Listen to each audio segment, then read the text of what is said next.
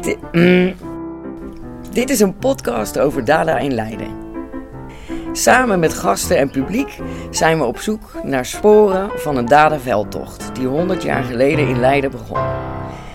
Dit, oh nee, dat had ik al gezegd. Het gaat over Leiden, Dada en moderne kunst. Met poëzie.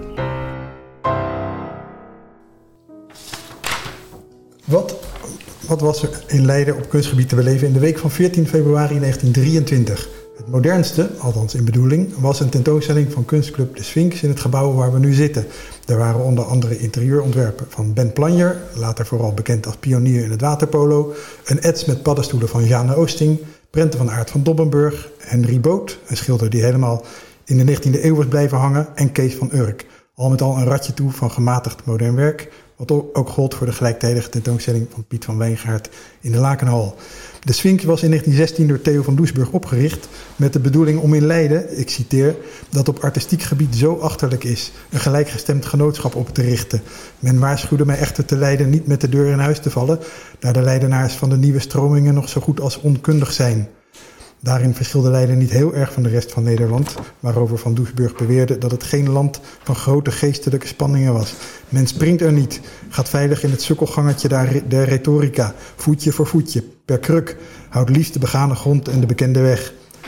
Toen Van Doesburg dat schreef, had hij een ontwikkeling als kunstenaar achter de rug, die begon als ambitieuze, maar niet al te vooruitstrevende jonge man.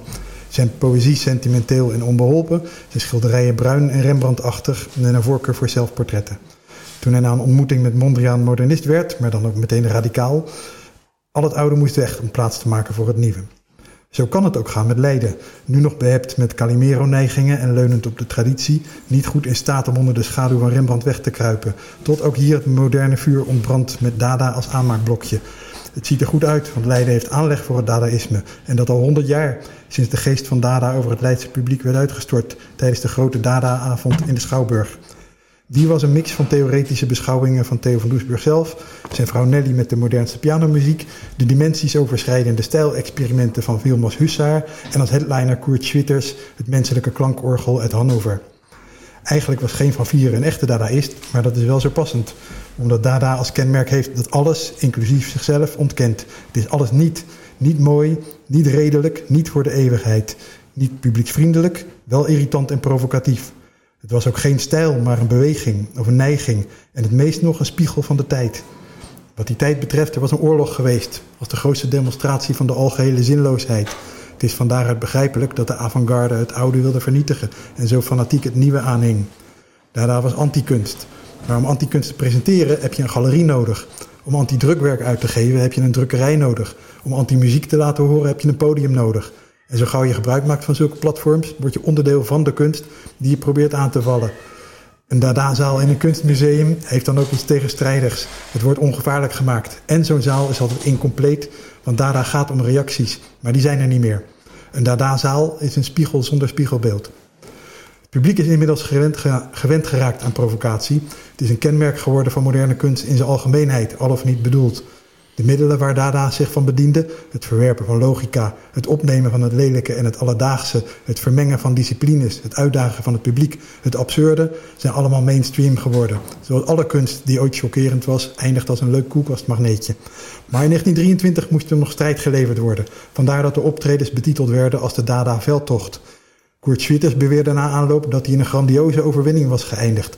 Gans Holland is jetzt Dada, waar es immer schon Dada war. In deze podcast zoeken we naar de sporen daarvan en we kijken of er wat veranderd is in de verhouding tussen Leiden en de moderne kunst, zoals Theo van Doesburg die een eeuw geleden typeerde. We praten met gasten die er verstand van hebben over Leiden, Dada en de moderne kunst. Martin Aert de Jong draagt poëzie voor en om het onmisbare publiek aan het woord te laten, zijn we ook de stad ingegaan om bij kunstwerken in de openbare ruimte de dadaïstische kniepeesreflexen te meten. En uh, ik denk dat het verstandig is als ik uh, even de titel van de podcast uitleg. En dat hebben we genoemd Dada in Leiden. Dat heeft een reden. En dat is omdat ik, uh, toen ik het initiatief nam tot deze podcast, ehm, het wou noemen naar het stripboek wat ik daarover gepubliceerd heb. In, kijken, in 2013, nee 2017 natuurlijk, was het jubileum van de stijl. En heel Leiden gonste toen van de Theo van Doesburg Dus scholen plakten hun uh, pui vol met vlakken en geometrische figuren. Iedereen moest opeens op die tour. Toen dacht ik, nee, daar doe ik niet aan mee. Ik ga iets, een andere kant van Theo van Doesburg belichten. En zo ben ik in de Dada gekomen. En zo ben ik ook aan Herbert gekomen, die mij heel goed gesteund heeft en meegedaan heeft eigenlijk aan het historisch ehm, verbeteren van de strip. Uh, hoe is dat allemaal gegaan? Het speelt zich af, of het speelde zich natuurlijk af in 1923 in Leiden, zoals gezegd. Hè. Theo van Doesburg had een enorme binding met Leiden. En hij woonde op dat moment niet in Leiden, maar hij had wel voor de veldtocht Leiden als een van de standplaatsen gekozen. Elke onderdeel van de veldtocht werd anders. Die, uh, die avonden zijn allemaal anders verlopen. Maar uiteraard heb ik me be, beperkt tot de Leidse bijeenkomst van de veldtocht. We spreken dus over 1923. En in uh, die avond eh, deed natuurlijk Theo van Doesburg zelf mee. Zijn vrouw tussen aanhalingstekens Nelly van Doesburg, want hij was nog steeds uh, getrouwd, toch Herbert, met Lena. dus Nelly gaf zich altijd uit als mevrouw van Doesburg, maar was dat eigenlijk nog niet. Dat kwam later pas. Nelly, Petro van Doesburg, speelde piano. Koert Switters uh, was een van de weinigen die, uh, die, die, van Doesburg zover gekregen had om naar Leiden te komen. Want hij had uh, een heleboel collega-dadaïsten had hij geïnviteerd om mee te doen. Maar eigenlijk alleen Switters en Vilmos Hoesaar die waren bereid om mee te doen. Um, ik heb natuurlijk als striptekenaar me enorm gestort op wat het leukste is om in strips uit te beelden. En dat is emoties. Dus de reacties van het Leids publiek die waren niet mals. Um, die heb ik natuurlijk enorm uitgebaat in die strip, want dat is veruit het leukste om te tekenen. Misschien is het handig om eerst even de, de politieke achtergrond van de veldtocht te duiden. Want we spreken over 1923. Dat betekent dat uh, de, de oorlog, de Eerste Wereldoorlog, eigenlijk net voorbij is. En dat heeft nog effecten gehad. Dada is niet voor niets ontstaan in Zwitserland, neutraal gebied. En daar konden mensen die zich ontrokken aan het oorlogsgeweld bijeenkomen. En zo is in Cabaret Voltaire uh, zijn een aantal mensen bijeengekomen. En die hebben dat Dadaïsme eigenlijk uitgevonden. Uh, klopt. Uh, Hugo Bal onder andere, Marcel Janko en Tristan Tzara. Uh, voordat we verder gaan wilde ik wel nog even de eerste gast introduceren. Dat is Geert Keuter, Leids kunstenaar en uh, ontwerper en een Dada-aficionado. Ja.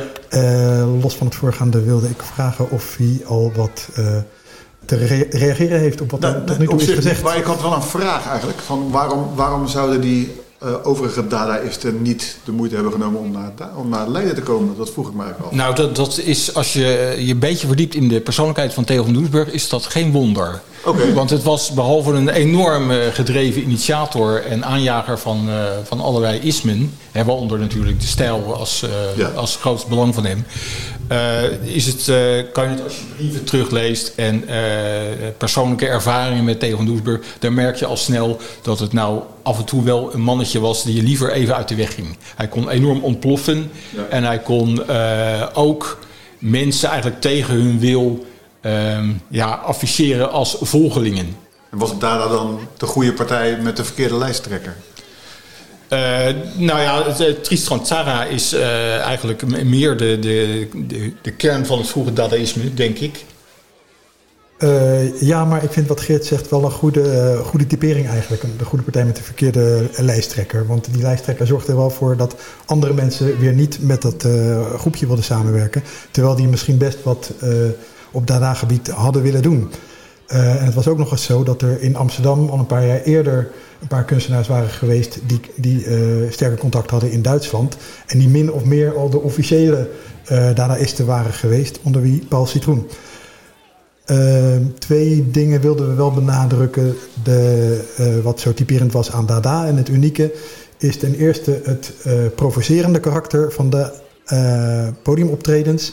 En ook het provocerende karakter wat gezien werd in de kunst en in het bijzonder het drukwerk wat uh, ermee gepaard ging. En mede daarom hebben we Geert uitgenodigd.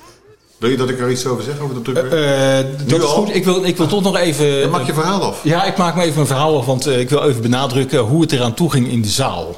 Uh, want dat is in de strip uh, moeilijk hoorbaar te maken. Maar je moet je voorstellen dat vanaf het allereerste begin, dat was ook een beetje een traditie bij elke veldtocht die daar, daar georganiseerd had, dat het rumoer eigenlijk al voordat de deuren open gingen begon. En in Leiden was dat grotendeels veroorzaakt door al of niet dronken studenten die met veel dierengeluiden en boegeroep uh, alvast anticipeerden op de ergernissen die later uit de zaal zouden stromen. Want men uh, wist van tevoren eigenlijk al wat ze konden verwachten. Uh, er zijn edities geweest waar er met worst door de zaal gesmeten werd om, uh, om de aanwezigen te, te, provoceren. Maar nogmaals, dat was ook de bedoeling van Van Doesburg en Schwitters. En waren die studenten daar uit pure interesse, culturele interesse gekomen of waren die daar neergezet om uh, rumoer te voeren? Nou, ik, ik, heb, ik heb dat, dat, dat plaatje daar van die dronken Minervanen, dat, dat geeft het goed weer. Uh, ze, ze waren eigenlijk uit op een verzetje. In ja. Nederland in die tijd, ja, de, je had misschien een avondje Jean-Louis Pissuis, heette die geloof ik. En uh, je had wat keurig kneuterig theater. Maar het was gewoon een rariteit. Men, men vond het ergerniswekkend, maar tegelijkertijd ook bieren interessant.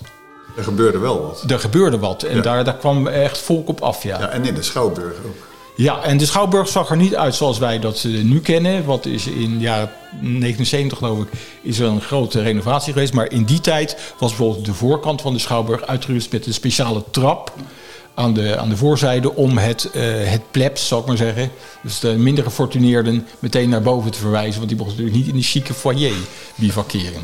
Om even een beeld te geven van ja. het lijden uit die tijd. Ja. Het was klein en kneuterig en op een gegeven moment is daar opeens die veldtocht van de Dadaïsten. Ja. We wilden wat uh, uh, beeld of en geluid evoceren van hoe er aan toe ging. Dus we hebben wat meegenomen. ten eerste was het zo dat uh, Kurt Schwieters, naast de klankgedichten, waar we straks weer wat meer over horen, uh, een aantal instrumenten bij zich uh, heeft gehad.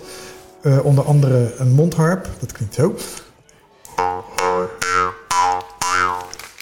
daarnaast was er een Aeolus harp, die, dat is een windharp. Een soort doos met een gat en een paar snaren die hij aan een touwtje rondslingerde.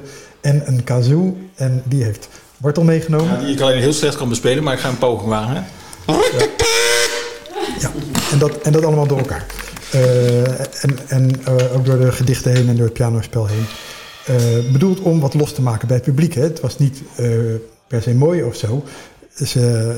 Kurt Schwieters ging ook dierengeluiden maken en, en getallenreeksen achterstevoren opzeggen. Dus dat zijn geen hoogtepunten in de poëzie. Maar het publiek gaat wel, gaat wel mee. Nelly van Doesburgs aandeel op de piano was dan voor onze oren nu al een stuk serieuzer, maar was toen toch ook best wel uh, chockerend uh, ontvangen. Ja, we gaan eerst dat stukje van uh, de wapenbroeder doen. En dat is een door mij gemaakte reconstructie van een, ja, een, een soldatenlied uit de Eerste Wereldoorlog. En dat komt even voor als in het boek ook, als het publiek dat muziekje herkent en spontaan gaat meezingen. Want ook veel gefrustreerde soldaten zaten in de zaal. Misschien kun je dat even laten horen.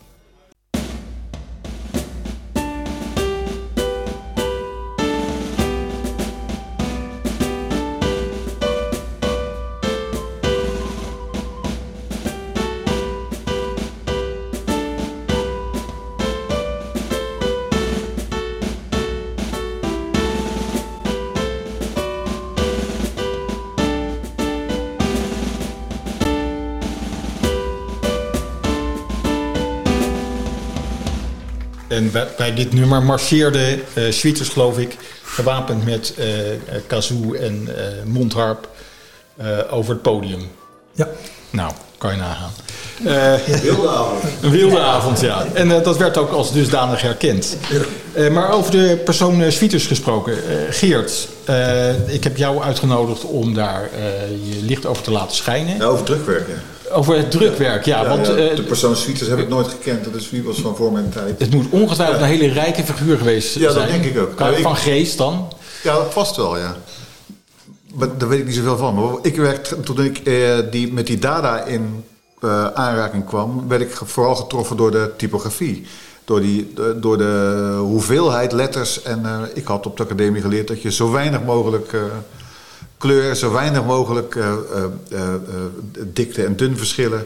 En vooral was het zaak om, dat is de school van de jaren 40 geloof ik, dat, je, dat de, de, de typograaf moest zichzelf overbodig maken, want alles stond in dienst van de typografie. Dus de boodschap van het boek moest overgebracht worden. En dat deed Dada dus helemaal niet. Zeker, ja. En in die tijd was men in een krant, stonden gewoon rechte regels en af en toe een, een plaatje. En wat zij deden was ineens hele grote letters en uh, schuine lijnen gebruiken. En uh, uh, van die opvulstukjes en dan naar voren laten komen. Dus dat je ineens streepjes in de tekst kreeg die daar helemaal niet hoorden. Dus daardoor werd ik geraakt door daar dat ik dacht, hé. Hey. En ben je er ook mee aan de slag gegaan? Heb je er later wat in je eigen werk mee gedaan? Nou ja, wel geprobeerd, maar... Um, Kijk, met een computer is het gewoon heel handig, want dan uh, maak je gewoon in een programma maak je gewoon die ene letter wat groter. Maar als je dan dat gaat zetten in een zethaak, en dan leer je pas hoe spannend en hoe raar en hoe, vooral hoeveel werk het is. Ja. Want het, is niet, het ziet er heel achterloos uit, maar het is gewoon verdopt veel werk. Zeker. Omdat je allerlei uh, uh, druk op druk moet maken. En de, het zetsel, als je een tekstje zet, heeft de letter een bepaalde hoogte. En als je dan een grotere letter, die heeft dan weer een andere hoogte. Dus moet je eigenlijk de rest, de kleinere lettertjes opvullen. Dat alles hetzelfde hoogdrukniveau heeft. Ja. Dus eigenlijk moet alles vlak zijn. Of je moet het een extra druk gaan geven. Dus ik vond vooral de hoeveelheid werk die in dat achterloze, beetje niets, nietszeggend, uh, kinderachtig, uh, geneuzelachtige vormgeving. De hoeveelheid werk die erachter zit, trof mij altijd. Omdat ja ik aandoenlijk vond hoe je zoveel werk in zo uh, schijnbaar achterloosheid kon stoppen. Dat vond ja. ik dus mooi. Okay. Daar hou ik dat van. achterloze en dat kinderachtige, dat werd toen als uh, ook chockerend uh, ervaren. Ja. Denk jij dat het vandaag de dag nog steeds nodig is om specifiek met drukwerk publiek te chockeren? Of het druk... Ik denk niet dat je met drukwerk... Ja, je met, met foto's kun je nu publiek chockeren, maar ik denk niet met vorm. Ik geloof niet dat je nu nog met een grote letter of een, of een dik uitroepteken mensen van hun stuk brengt. Daar geloof ik niks van. Nee. Nou, ik, gek genoeg moest ik denken aan de, de jaren tachtig. Toen wij van het ene kraakpand naar het andere hobbelden en daar met uh, uh, typemachines ja. en uh, aan stukken geknipte kranten zelf, nou geen drukwerk, maar fotocopietjes maakten ja, om die ja, ja. onder de krakers te verspreiden. En dat, dat zag er ontzettend knullig uit, maar het, het drukte heel mooi uit waar de beweging voor stond. Namelijk van geen gelul, je doet het gewoon. Ja, gewoon en iedereen kan het ook. Dat, in, in, die, in, dat, die, in die zin zou Boys ook wel dadaïst kunnen zijn. Maar vond ik die hele punkbeweging ook gewoon een soort een hoog dada-gehalte. hebben. Ja, ja Met knip- en plakwerk en eh, het zelf doen. En eh, we kijken nu hier naar een, een voorbeeld van, eh van Koert Swieters. Eh, maar elders in Europa gebeuren natuurlijk ook dat soort dingen. Bekende ja, poëzie van Paul van Ostaaien. Ja. Dat is natuurlijk eigenlijk op dezelfde leest geschoeid. Ja. En ik weet niet, heb jij daar iets mee als dichter? Ja, absoluut. Het, uh, het geeft je natuurlijk een heleboel vrijheid. Hè. Ze gingen eigenlijk uit van een soort... Het is, het is een soort dada-paradox die Geert mooi onder woorden bracht. En die kant lijkt het allemaal heel spontaan. Dat is ook heel belangrijk natuurlijk als je gaat schrijven... in een soort open geest en dat je die gewoon laat waaien en aan de slag gaat. Aan de andere kant ja, zit er toch ook een heleboel eh, structuur in. Ook bij Van Ostaaien natuurlijk. Ja. Dat daar een heleboel patronen in zitten. In de vormgeving en in, in de tekst zeker ook. Dus, Ja, maar die doet ook die accenten met grotere letters en streepjes en lijnen. En, eh, Dat zie je in die vormgeving, in die op, originele opmaak ook. Dus dat, dat is mooi. ja. En het was natuurlijk ook een, een eh, poging om het beeld van eh, de typografie te gebruiken als een beeldend middel. Ja. Dus die, je kan zeggen van eh, de schilderkunst ging naar een gestileerde vorm, maar de, de tekst van de poëzie ging steeds meer richting een beeldende werking. Ja, die ging meespelen in, in de boodschap. zeg. Absoluut, ja. Ja. ja. Ja. En, ja, maar dat, en dat vond ik, dat is dus treffend, omdat je dus dat, dat achterloze juist heel erg op de voorgrond Ja. zet. Waardoor het voor iedereen wel duidelijk is, er gebeurt iets. Maar niet iedereen kan er iets mee. Dat is dus ook dat, eigenlijk tegelijkertijd dat verwarrende. ja. Eh, eh, Martin, heb jij dat eh, gedicht X-beelden, heb je dat toevallig voorbereid? Ik heb het hier staan en ja, voor zover je het wilt voorbereiden. Even kijken, er zijn een aantal leid gedichten van, van, van- X-beelden trouwens. Ja. Ik, ik zal er met eentje beginnen. Geschreven door Ika Bonset. De ja, pseudoniem van Uiteraard Theo van Doesburg. Theo van Doesburg. De- Theo van Doesburg is eigenlijk ook een beetje een pseudoniem, wel. Wat was, hoe zat het ook weer? Want zijn vader... hij was van Duitse afkomst. Hij had eigenlijk ook een Duitse naam. Klopt. en dat en hij, eh, mij is even ontschoten hoe die oorspronkelijk heette, weet jij dat? Kuper. Kuper. Kuper, ja, precies. Maar goed, we gaan even En naar dat is ook typisch van Doesburg om zich allerlei achter eh, pseudoniemen en alter ego's te verschuilen. Maar daar komen we denk ik later nog even op. V- voor nu even het gedicht van Ika Bonset. Ik kan deze nemen of ik kan ook die nemen. Oh ja, nee, wacht even. Ik heb iets langers. Ja. Hey, hey, hey. Hebt gij het lichamelijk ervaren? Hebt gij het lichamelijk ervaren? Hebt gij het lichamelijk ervaren? Nul en ruimte en tijd. Verleden, heden, toekomst. Het achter, hier en ginds. Het door elkaar van het niet en de verschijning. Kleine verfrommelde almanak die men ondersteboven leest. Mijn klok staat stil. Uitgekoud sigaretteneindje op het witte servet. Vochtig bruin, ontbonding, geest 346, vracht, automobiel, trillend onvruchtbaar middelpunt, karikatuur der zwaarte, uomo electrico, roze en grauw en diepwijnrood. Ik word doordrongen van de kamer waar de tram doorglijdt. Ik heb een pet op, orgelklanken van buiten door mij heen vallen achter mij kapot. Kleine scherven.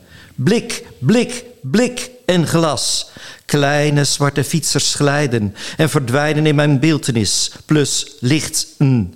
Die ritsige trilkruin van den boom versnippert het buiten mij tot bontgekleurde stof. De zwarte witte waterpalen. Viermaal horizontaal ontelbare verticale palen en ook de hoogte, gekromde blauwe ruimte ben ik. Nou, dat is een mooi voorbeeld van eh, de, de vaardigheid waarmee eh, Van, van Doesburg zich op het li- literaire pad eh, begaf. Eh, dat moet het ook wel gezegd worden dat Van Doesburg natuurlijk naast een, een schrijver, uiteraard een, een begaafd be- beeldende kunstenaar was die aan de vernieuwing werkte. En eh, ook iemand was die voortdurend eh, het publiek bestookte met allerlei lezingen en opgerichte tijdschriftjes om zijn, eh, zijn denkbeelden te profileren. Ik was, ehm, ik was in Leiden op zoek naar, eh, eh, naar wat mensen nu van kunst eh, vinden. Ja, Ik was bijvoorbeeld eh, op het Bertaplein bij de, bij de paddenstoelen. Misschien kun je het laten horen.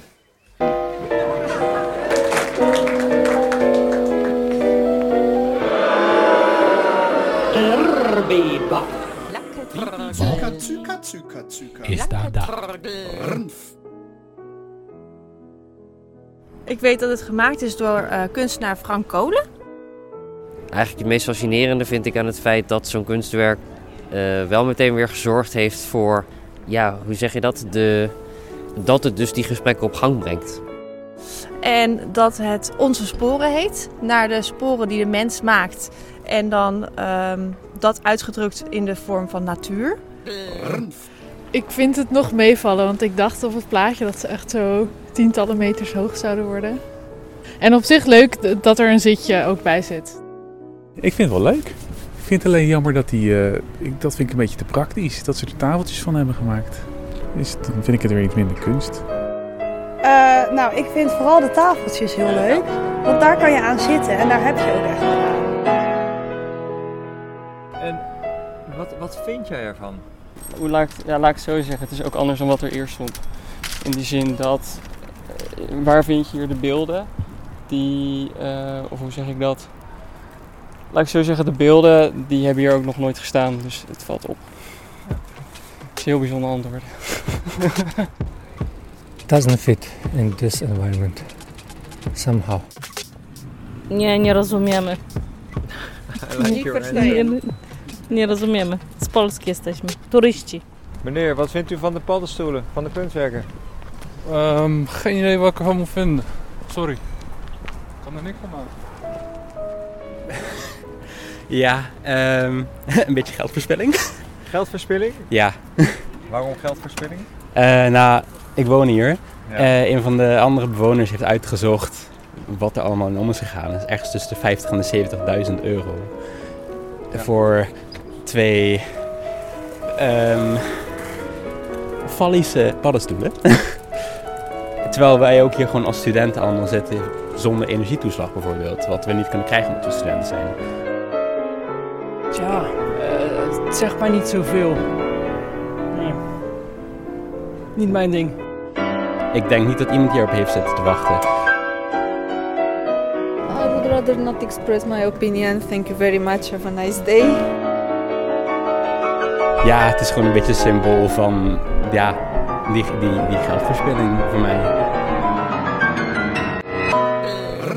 Eerst dacht ik, oh god, wat gaan we nu krijgen? Maar het is best oké. Mooi is het. Nou, ja.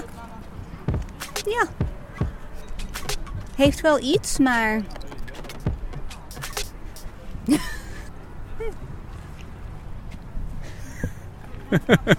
Nou, vooral praktisch dus. Hè?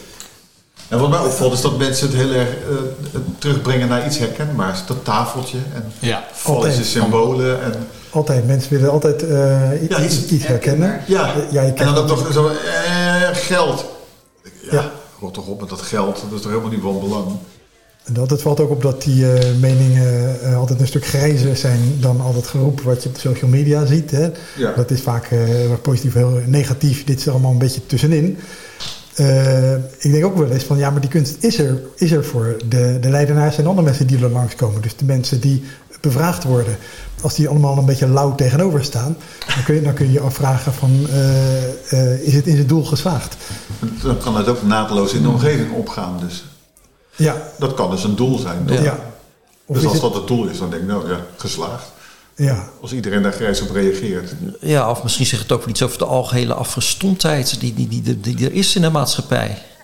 Dat idee eh, krijg ik erbij. Van, ja, alles moet eh, zin hebben en praktisch zijn. En dat, dat, dat is het leven. En op een gegeven moment, eh, nou, is ook heel praktisch. Heb je zo'n kist nodig om jezelf in, om in begraven te worden. Dat is Ja. gewoon allemaal praktisch. Verder is er niks. Ja, terwijl dit juist over verlevendigen gaat. Ja.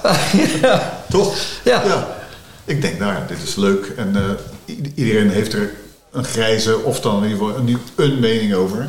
Dus wat dat betreft zou dit best een dadaïstisch ding kunnen zijn, denk ik dan. Het is ook een beetje organisch. Dus wat dat betreft denk ik, ja. Het is... eh, het, het dient een doel, dus Maar ik- ik- mensen vinden er iets van. Is dit een kunstwerk wat eh, het, het nieuwe gekozen heeft? Of leunt het toch nog ergens op de nostalgische herkenbaarheid? Dat, dat kan ik niet, daar ben ik niet kunsthistoricus Ja, we, we zitten ook niet aan tafel Dus, om eh, dit, nee, kun- kunstwerk te gaan. eh, Nee, dat kan ik maar niet ik, ik vind het altijd heel opvallend dat, dat de gewone Leidenaar of de gewone Nederlander eh, dingen uit het verleden. Ja. En, dan, en dan zeggen we rond de 1900 of zo, dat wordt allemaal gekoesterd. En als er iets moderns in zit, dan zeggen mensen, nou, dat, dat wil ik liever niet zien. Ja, of ik begrijp het niet. Of ik begrijp het niet, of dat vind ik niet mooi. Die dingen van 100 jaar oud kan je natuurlijk, die heb je zo vaak gezien dat ze allemaal begrijpelijk zijn geworden. En dit is redelijk. Nou, ik kan me voorstellen dat je, dat je hierbij het idee hebt van dat kan mijn jongere broertje ook, of Ja. weet ik veel wat. Dus dat kleien van paddenstoelen, dat is. Daar, daar worden mensen maar dat is, nog ja, maar dat wil niet zeggen dat het niet bijdraagt aan verlevendiging. Over, ja, die opmerking hoor je veel. Hè? Men- van mijn kleine nichtje kan Ja. dat ook. Mensen worden er boos over. Nou, dat is op zich een goede reactie. Voelen zich eh, geprovoceerd. Hoewel dat helemaal geen eh, provocatief bedoelde kunst is. Nee. Eh, dat provocatieve zat natuurlijk in Dada. Is min of meer uitgevonden door Dada. En Leiden heeft daarmee kennis gemaakt eh, in de Schouwburg 100 jaar geleden. Eh, min of meer is dit cirkeltje daarmee weer, weer rond. En dan gaan we ook deze eerste aflevering van de podcast eh, afsluiten. Oké. Dank jullie wel allemaal. Oh, ik dacht dat ik eh, nu Swieters zou noemen. Dit is een podcast over Dada in Leiden. Dit was de eerste aflevering van drie. Je hoorde de gasten Guido Winkler, Geert Keuter, Martin Aert de Jong, Petra Hogeveen van de stichting Vierkant in Vierkant. En het is gemaakt door Bartel Brusse, Brusse, Herbert Matti, Erik Oleijerhoek en Gideon Roggeveen. Met dank aan de stichting Kessels Gordijn. En met dank aan mij, Yvonne.